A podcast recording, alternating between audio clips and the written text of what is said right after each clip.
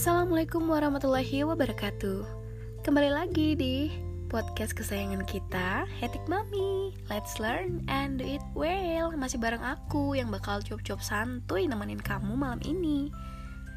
Hai, gimana kabarnya? Malam ini tuh Semarang lagi diguyur hujan. Alhamdulillah wa syukurillah Jadi aku sekarang itu Bikin podcast Ditemenin sama suara rintik hujan. Dan jangkrik, kemudian suara katak. Mereka lagi paduan suara nih. Alhamdulillah. Syukurnya tuh ya, tempat tinggalku yang sekarang itu berbanding terbalik dengan tempat tinggal yang dulu. Kalau dulu tuh aku tinggalnya di Batam. Batam itu di Kepulauan Riau. Kepulauan Riau itu dikelilingi dengan lautan. Jadi teman-teman tahu kan, Batam itu tiap sudut itu laut gitu. Kodarullah dulu itu aku tinggal di perumahan yang biasa-biasa aja tapi deket banget sama pantai. Cuman dua menitan gitu ke pantai. Jadi ya alhamdulillah. Refreshingnya tuh murah-murah aja. Belum lagi di samping itu tuh Batam itu deket banget sama Singapura. Jadi lifestylenya vibesnya juga udah kayak luar negeri gitu banyak gedung-gedung tinggi, infrastruktur juga laju, kemudian uh, apa lagi ya? Banyak orang-orang asing juga yang tinggal di Batam gitu, nggak 100% pribumi. Jadi udah kayak rasa-rasa Singapura gitu karena emang deket kan tetanggaan gitu beda banget dengan tempat tinggal yang sekarang sekarang itu benar-benar super tradisional benar-benar super sederhana deket banget sama pegunungan jadi hawanya selalu dingin. Belum lagi ini aku kalau buka pintu itu sepanjang mata memandang itu sawah semua. Jadi benar-benar ya Allah itu memberikan sesuatu hal yang belum pernah aku dapatkan. Karena dulu aku kecil sampai besar itu di perkotaan gak pernah sama sekali ngeliat sawah yang hijau-hijau apalagi gunung. Alhamdulillah sekarang aku dapetin masya Allah. Jadi sebuah kesyukuran. Intinya apa pun kondisinya harus tetap bersyukur itu adalah suatu kunci kebahagiaan ya gak sih? Jadi itu match banget sama aku dan suami yang seneng banget mengeksplor sesuatu. Seneng banget jalan-jalan intinya. Di mana aja tuh kita suka ngeksplor. Bahkan tuh Uki itu anakku itu bayi tertangguh lah. Aku merasanya begitu karena sering banget aku ajak naik gunung sama suamiku bayangin. Karena kita tuh suka wisata alam. Nah kebetulan karena di Batam dulu itu sulit banget wisata alam. Paling mentok-mentok tuh lautan karena banyak banget gedung-gedung tinggi gitu. Kalau mungkin refreshing di situ ke mall atau ke mana tuh banyak banget pilihan. Beda banget sama di sini gitu. Jadi alhamdulillah di sini wisata alam terus banyak ada air terjun, gunung, gunung tuh banyak banget dikelilingin gunung, ada sawah gitu. Jadi ya alhamdulillah syukurilah ya, belum lagi kulinernya kan. Kalau kuliner di Batam tuh uh, banyak juga. Terus dicampur dengan sentuhan Chinese food yang aku kangenin itu loh. Kangen banget Batam. Uh, yang paling aku kangenin tuh prata milendir lakse roti jala terus mita rempa wah luti gendang oh my god. Bener-bener ah, kangen Batam deh. Kalau di sini tuh ya Jawa Tengah kan. Jadi sarapan ya soto bakso gitu. Jadi kuliner pun berbeda. Ya nggak apa-apa. Yang penting kita explore aja. Setiap tempat itu pasti punya keunikan dan ciri khas masing-masing. Itulah Indonesia ya kan negara yang kaya. Well malam ini tuh kita bakal membahas sesuatu hal yang baru juga aku pelajari hari ini. Jadi kita tuh sama-sama belajar intinya. So without any further ado let's we started. Kita bakal membahas seputar hidayah. Jadi hari ini tuh aku baru tahu kalau hidayah tuh macam-macam guys. Ada yang namanya hidayah tuh hidayatul taufik datangnya dari Allah langsung. Contoh nih misalnya ada perampok yang pengen merampok kotak infak di masjid. Tiba-tiba masuk waktu sholat dan ada kumandang azan.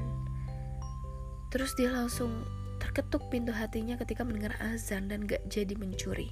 Itu namanya hidayatul taufik ada juga hidayatul ilmu atau hidayatul din ketika orang mempelajari sesuatu baru dia dapat hidayah baru dia berubah. Ada juga yang namanya hidayatul hawa. Melihat dari panca indera misalnya dia melihat temannya atau siapa pun baru dia berubah. Yang terakhir itu ada yang namanya hidayatul ilham. Dia mungkin berubah ketika mendapatkan mimpi dan sebagainya masih banyak lagi. Jadi ya luar biasa Allah itu benar-benar maha penyayangnya. Seberupaya itu dia menginginkan umatnya kembali ke jalan yang benar.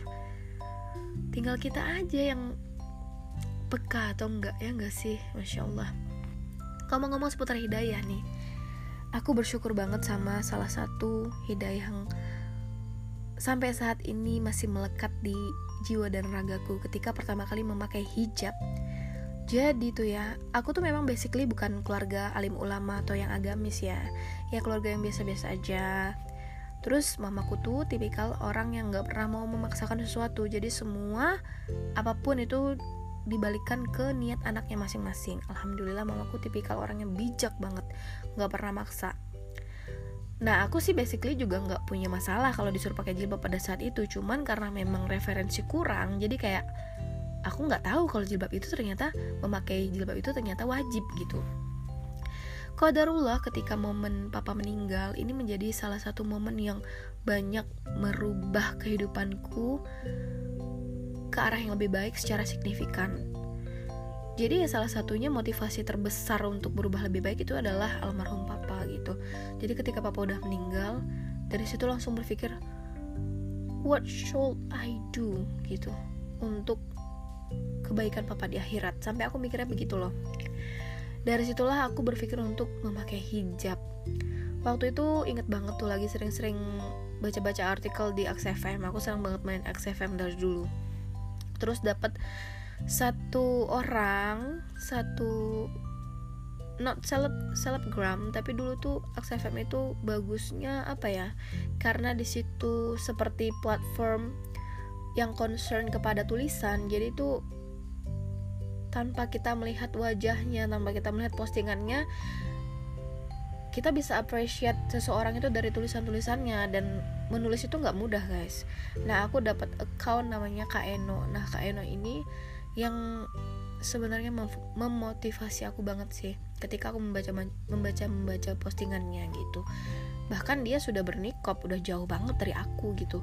Tapi dari situ aku terketuk pintu hatinya untuk kayaknya aku harus pakai jilbab deh. Dan tahu ternyata hukum memakai hijab itu wajib dan impactnya apa aja dalam kehidupan kita tuh dari situ.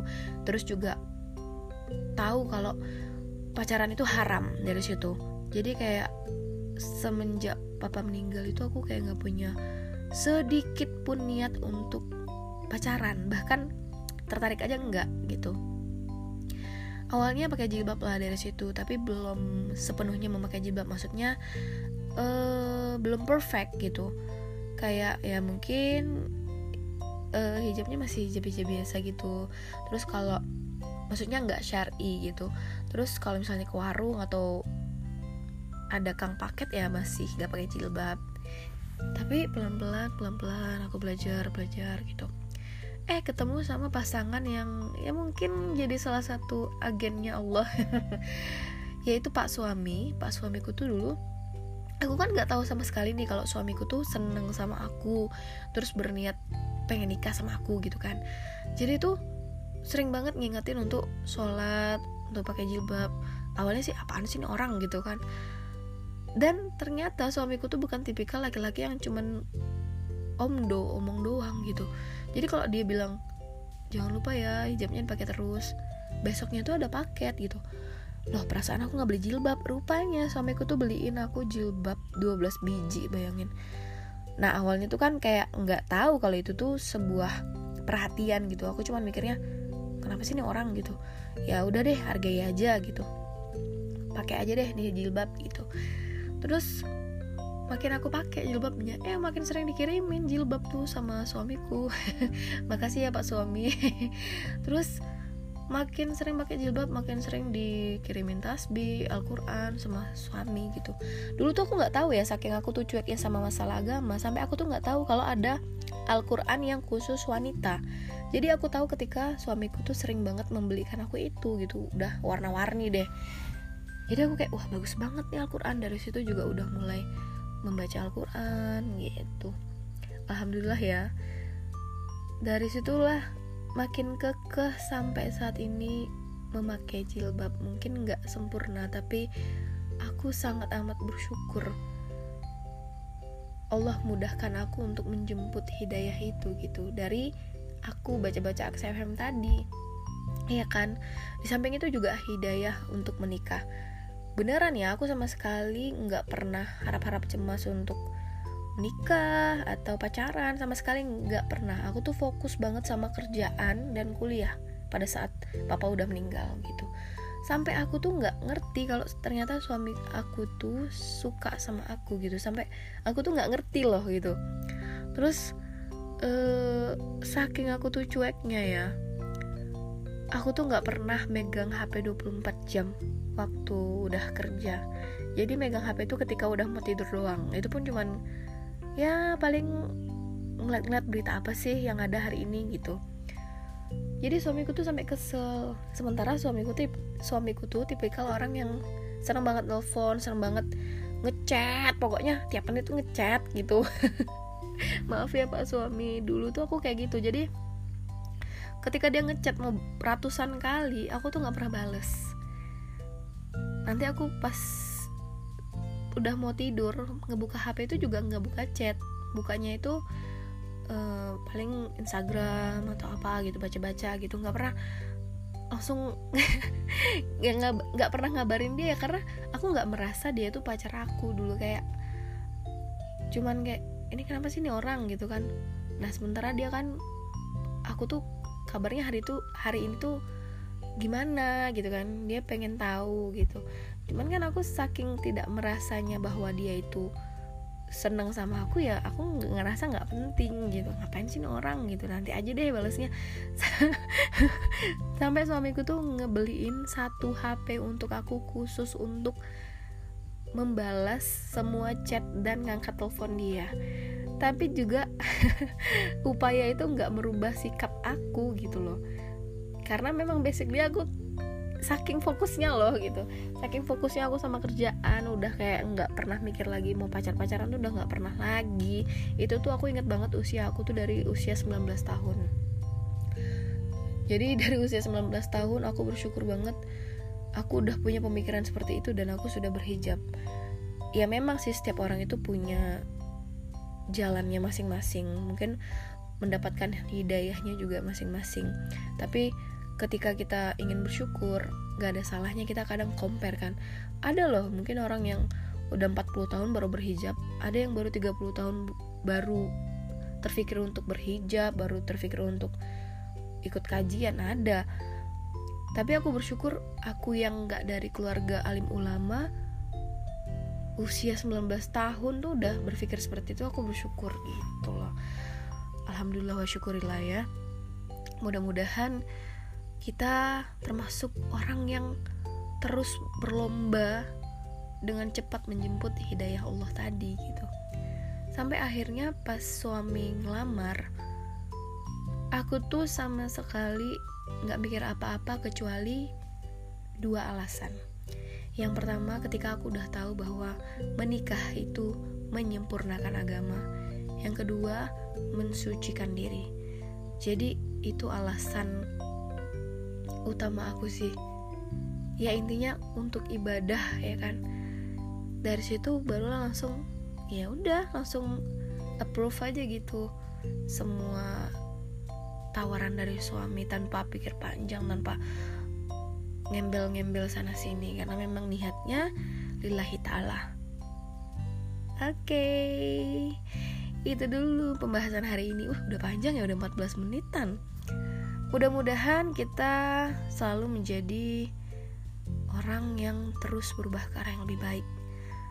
ingat hidup itu memang perlu pengorbanan tapi kita harus perhitungkan sesuatu hal yang layak dikorbankan ya tentunya harus sesuatu hal yang baik dong jangan sampai hal yang buruk kita kita korbankan hal yang buruk kita perjuangkan kan jadinya worthless banget waktu dan kehidupan kita kalau dilakukan untuk itu gitu jadi mudah-mudahan kita salah satu manusia yang peka selalu atas hidayah-hidayah yang udah Allah berikan gitu. Terima kasih sudah meluangkan waktu untuk mendengarkan podcast ini. Wassalamualaikum warahmatullahi wabarakatuh. Bye bye.